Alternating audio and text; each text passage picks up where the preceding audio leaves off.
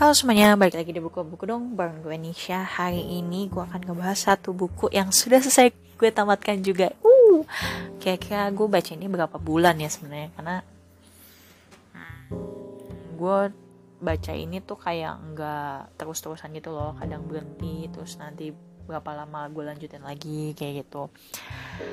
Waktu gue baca ini, sejujurnya penasaran karena buku ini kan sambungan dari Strange Dreamer ya. Jadi ini part 2-nya lah istilahnya. Kalau Strange the Dreamer lebih fokus kepada tokoh Strange, sedangkan di buku kedua ini, Muse of Nightmares dalam bahasa Indonesia itu uh, Batari Mimpi Buruk, lebih fokus kepada si uh, tokoh utama keduanya yaitu Sarah Sarah apa Sarah ya? Coba gua. Sarah Sarah bener sih kayaknya. Lebih ke Sarah gitu kan. Nah dari satu ke dua pun ini mulai terungkap sebenarnya rahasia-rahasia di balik mesatium yang menjadi tempat tinggal para bibit-bibit dewa ya. Bisa dibilang anak-anak dewa yang tertinggal. Jadi kalau kalian harus baca sih sebenarnya latar belakangnya itu dari yang buku satunya dulu si Strange of the Dreamer itu. Jadi di yang kedua ini fokusnya kan tadi sama si Sarah. Dan Sarah ini di buku yang pertama itu meninggal. Tapi arwahnya itu diselamatkan oleh si namanya Minya. Itu yang si benih-benih dewa tadi. Jadi benih dewanya tuh ada lima. Ada Sarai ada Minya yang bisa nangkep jiwa. Kalau Sarai itu kayak lebih kayak apa sih uh, apa ya dia bisa masuk ke dalam mimpi seseorang gitulah ya.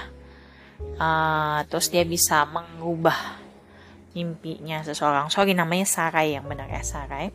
Terus yang ketiga ada Feral. Feral ini gue lupa kalau nggak salah dia bisa datengin hujan. Terus ada Sparrow. Sparrow ini bisa numbuhin tumbuhan dan nanti di buku kedua ini ternyata kekuatan dia lebih dari itu guys. Nah, nah sama yang ketiga kelima itu si Ruby yang bis yang bisa mengendalikan api. Nah nanti di buku kedua ini tiba-tiba nanti ada satu cerita ya kayak macam cerita tidak nyambung. Gue gue pikir tadinya tuh cerita awal mula tentang mesartium lah ya tentang tempat si lima benih dewa ini tinggal asal usulnya dari mana. Ternyata ini tuh kayak apa ya dalam waktu yang berbeda dan ternyata ada di dalam si universal universe-nya si Strange ini itu ada banyak dunia dan ini menceritakan salah satu dunia itu. Nanti mind blowing banget sih karena nih cerita, cerita yang terselip ini uh, yang tokohnya tuh bener-bener baru kayak nggak pernah kita dengar ada namanya Nova dan Cora di situ tuh ternyata kayak punya cerita sendiri nanti tiba-tiba nyambung dengan ceritanya Sarai dan kawan-kawannya. Jadi menurut gue ini yang bikin seru sih. Jadi awalnya gue agak jujur agak malas bacanya karena rumit ya. Memang baca Strange of the Dreamer tuh kita perlu daya imajinasi yang begitu tinggi ya. Dan gue pernah cerita ke kalian kalau gue tuh daya imajinasinya mulai berkurang gitu kan. Nah di sini nih membangkitkan lagi daya imajinasi gue dan pas ketemu satu cerita tentang Nova dan Cora di situ gue kayak mulai ngerasa aduh cerita apa nih? Gitu kan. Mulai bosan nah terus di tengah-tengah tiba-tiba gue jadi semangat untuk ibu nih ceritanya lanjutannya apa lagi? Kayak gitu. Dan akhirnya gue bisa sampai tamatin buku dengan 400 sekian halaman guys sampai 450 lah ya. Dan ini nanti ceritanya kayak bakal ada nyambung sama tokoh-tokoh yang ada di kota whipnya itu sendiri. Jadi kan mesartiumnya kan di atas kota whip gitu. Mesartium isinya benih-benih dewa terus whip itu bawahnya di kota kota yang ada di bawah mesartium dengan penduduk-penduduk yang bisa bilang mereka memberontak terhadap pemerintahannya si dewa-dewa zaman dulu sehingga mereka membantai dewa-dewa yang dewasa. Nah, sisalah lima orang si lima benih dewa ini yang diselamatkan oleh si Minya jadi minyak salah satunya empat diselamatkan gitu lah ya. Nah nanti ada hubungannya nih sama dunia yang tadi gue sebutin dengan ada tokohnya Nova dan Cora. Dan mind blowing banget di mana ternyata Strange itu adalah salah satu dari benih dewa yang diselundupkan ke kotak lain sehingga si Strange ini nggak tahu kalau ternyata tuh dia dewa yang punya kekuatan dan mind blowing banget sih menurut gue. Nanti ke banyak kisah-kisah yang menurut gue kisah memilukan kisah menyedihkan yang diperbaiki satu persatu. Dan si apa ya banyak kayak hubungan yang dipulihkan yang tadinya berantakan tadinya uh, keras kepala terus tadinya punya image apa ya punya prasangka terhadap karakter masing-masing terhadap tokoh masing-masing gitu kan. Nah di sini nanti hubungannya akan dipulihkan. Dan banyak yang kayak komen gitu loh nih kayaknya ada buku lanjutannya gitu. Buku lanjutannya si Muse of Nightmare. Karena memang di sini endingnya udah happy tapi dibikin seakan-akan mereka tuh akan akan akan akan akan memulai petualangan baru mereka. Ber gue lupa lagi. Manusianya ada lima benih dewanya atau yang punya kekuatan magisnya itu ada sembilan jadi mereka berempat belas akan menjelajah ke dunia-dunia lain untuk menyelamatkan para benih-benih dewa yang ternyata sama ini tuh dieksploitasi gitu loh guys jadi si dewa yang menurut gue paling kejam di sini ada namanya Skatis sama Isagol. Skatis itu bapaknya si Laszlo, si Strange maksudnya. Terus Isagol ini mamahnya si Sarai dan Isagol dan Skatis ini ternyata menciptakan benih-benih dewa dan tujuannya adalah untuk dieksploitasi. Eksploitasi. Jadi kalau mereka udah ketahuan uh, kemampuannya apa, terus mereka akan dijual ke dunia-dunia lain jadi kayak di dunia tuh banyak banget ceritanya yang ada di sini dan mereka tuh kayak dihubungkan nanti dengan sebuah portal kehidupan kayak gitulah jadi banyak yang bilang kayak wah kapan nih buku ketiganya? Cuman kita juga nggak tahu sih ya apakah ada beneran buku ketiganya. Karena si pengarangnya ini si Laini Taylornya ini bilang pun uh, bahwa Batari Mimpi Buruk ini atau Muse of Nightmares ini tuh sebenarnya bukan sequel tapi berdiri sendiri. Di yang nggak perlu diharapkan ada kelanjutannya gitu kan. Walaupun memang sebenarnya Muse of Nightmares ini kan lanjutan dari Strange of the Dreamer ya. But overall gue suka banget cerita ini. Gue salut banget sih sama Lenny Taylor tuh apa ya cara dia menggambarkan detail imajinasi-imajinasi ini tuh keren banget menurut gue. Dan daya imajinasinya dia tuh keren banget bisa menciptakan sebuah dunia yang gak kepikiran sama sekali. Tentang dewa-dewa, benih dewa, terus ternyata ada portal yang menyambung ke dunia-dunia lain, segala macam intinya. Keren banget sih menurut gue. Kalian harus baca kalau kalian demen banget sama novel fiksi. Itu aja yang bisa gue sharing dari buku ini.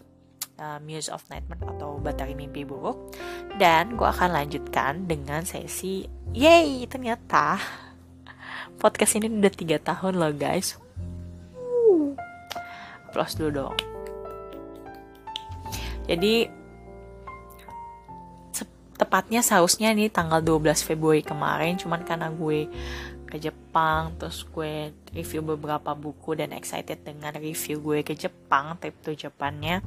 Jadi gue lewatkan momen untuk merayakan tiga tahun dari uh, podcast ini. Dan di tahun yang ketiga ini gue banyak banget progress menurut gue yang gue senang banget happy banget sebagai podcaster yang newbie yang walaupun udah tiga tahun tapi bisa dibilang newbie lah ya karena yang gak ada apa-apanya dibanding podcaster podcaster lainnya gitu ya. Tapi gue senangnya adalah uh, di tahun ketiga ini gue bisa bikin Instagram sendiri untuk podcast buka buku dong. Kalian bisa follow di buka buku dong dongnya D O N K. Kalian follow ya Instagramnya. Terus yang kedua akhirnya anchor.fm menghadirkan fitur mengetahui followers yang ada di Spotify guys. Jadi selama ini gue nggak tahu ada berapa banyak sih yang dengerin uh, bukan dengerin yang ngikutin podcast ini. Kalau yang dengerin kan gue bisa ada grafiknya. Tapi yang ngikutin podcast ini ada berapa orang sih gitu ya? Gue nggak tahu sama sekali. Dan akhirnya anchor.fm membuat mengeluarkan uh, satu fitur yang gue bisa ngeliat followersnya di Spotify. Dan sekarang ternyata followers dari podcast buka buku dong ada 217 yeay! So happy bisa ternyata banyak juga yang dengerin podcast ini. Walaupun sebenarnya episode-episode barunya tuh kayak yang denger masih sedikit. Tapi nggak apa-apa Uh, semoga kalian pendengar-pendengar baru sudah mendengar sampai ke episode ini. Atau kalian mau mulainya dari episode paling baru pun juga nggak apa-apa. Atau kalian mau kasih masukan lewat Instagram podcast Instagramnya buka buku dong juga boleh. Gue biasa rajin upload di situ tuh di Instagram ya. Pertama episode terbaru. Linknya. Terus kedua gue kadang suka share uh, bahasa Jepang karena kan gue lagi demen lagi mempelajari bahasa Jepang walaupun kosakata yang gue share pun sebenarnya kosakata paling gampang lah ya menurut gue. Terus yang ketiga gue suka uh, QOTD mungkin ya quotes of the day. Tapi memang ini jarang banget sih karena kebetulan gue nggak bisa mengambil gambar yang artistik. Jadi memang agak susah banget. Terus yang keempat gue kadang suka bagi share tentang uh, Seventeen account uh, jadi tentang Seventeen boy groupnya Korea yang gue lagi demen banget. Jadi gue kadang suka share di situ. Dan memang second account sih buku buku dong ini kan sebagai kayak second accountnya gue ya sebagai dalam kehidupan gue gitu ya. Jadi memang gue lebih banyak follow yang interest interest kayak yang sama-sama uh, ngebahas buku di Instagram atau podcast-podcast lain ataupun ya tadi Seventeen yang gue suka dengerin ataupun tentang pemandangan-pemandangan di Jepang atau vlogger-vlogger Jepang. Itu sih yang bisa gue sharing tentang perkembangan 3 tahun podcast ini. Senang banget bisa kenal kalian masing-masing walaupun memang secara virtual kalian masih dengerin celotehan gue tentang buku review terus kayak drama atau lagu K-pop ataupun film Korea atau film-film lainnya. Terus yang kalian bisa dengerin celotehan chit chat with me juga bahas-bahas satu tema gitu ya. Senang banget. Itu aja yang bisa gue sharing hari ini. See you next time. Bye bye